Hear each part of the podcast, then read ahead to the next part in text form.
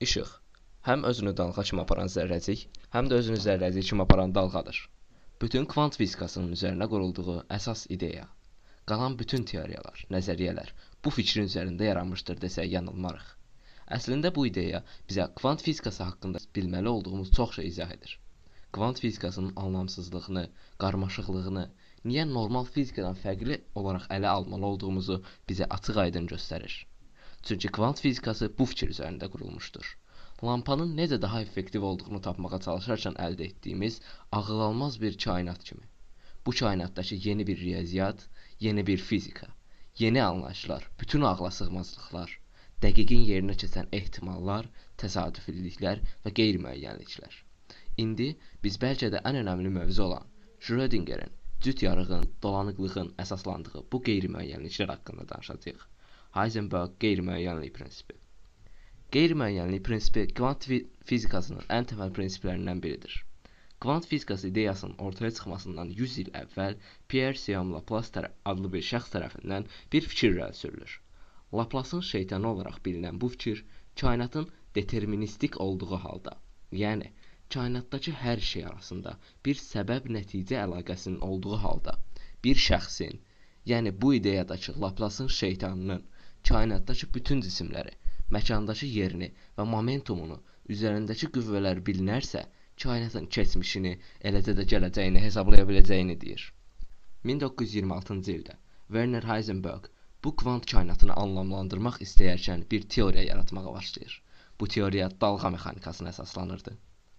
Heisenberg bir zərrəciyin yerini və sürətini eyni anda ölçməyə çalışdığımızda problem yarandığını kəşf etdi.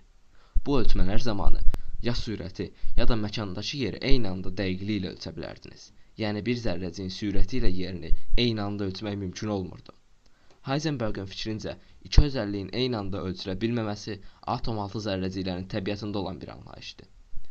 Hər kəs bir şeyləri müəyyən etmək istəyərkən, Heisenbergin 26 yaşlı bir dahinin bir şeylərin müəyyən olmasının mümkün olmadığını, hər zaman qeyri-müəyyən olduğunu deməsi onu kvant dövrünün ən məşhur alimlərindən biri etdi. Bəs bu prinsipi makroskopik dünyada tətbiq etmək mümkündürmü? Earl Hess Kennard və bir il sonra Herman Weyl bu prinsipi riyazi cəhətdən ortaya atdı. Onlar yaratdığı tənliyə görə Planck sabiti çox kiçik olduğundan bu qeyri-müəyyənliyi makroskopik dünyada müşahidə etməyin mümkün olmadığını bildirdi. Lakin atom altı dünyaya endiyimizdə bu qeyri-müəyyənlik get-gedə daha çox önəm qazanırdı. Momentum məkan qeyri-müəyyənliyi bunu deyir. Bir parçacığın məkanı yəni olduğu yer nə qədər az qeyri-müəyyən olarsa, momentumu o qədər çox qeyri-müəyyən olacaq. Eyni şəkildə də məkan nə qədər çox qeyri-müəyyən olarsa, momentum da o qədər az qeyri-müəyyən olacaq. Qeyd edim ki, prinsipdə zərrəciyin momentumundan bəhs olunur. Lakin momentum və sürət bir-birinə çox yaxın anlayışlardır.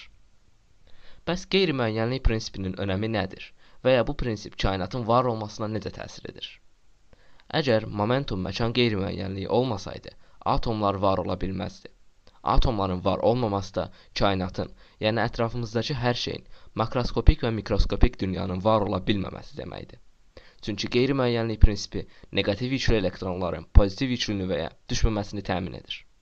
Elektron nüvəyə yaxınlaşdıqca onun məkandakı qeyri-müəyyənliyi azalır. Eləcə də momentumundakı qeyri-müəyyənliyi artır. Momentumdakı qeyri-müəyyənliyin artması isə elektronun nüvə ətrafında fırlanma sürətinə təsir etdiyi üçün elektron nüvəyə düşməyəcək şəkildə hərəkətinə davam edə bilir. Qeyri-müəyyənlik prinsipi ilə əlaqəli digər böyük yanlış anlaşılmalardan biri də yaranan qeyri-müəyyənliyin ölçümlə əlaqədar olmasıdır. Ölçmə ilə əlaqəli bir problem yaranması mümkündür, lakin bunun Heisenbergin qeyri-müəyyənlik prinsipi ilə əlaqəsi yoxdur.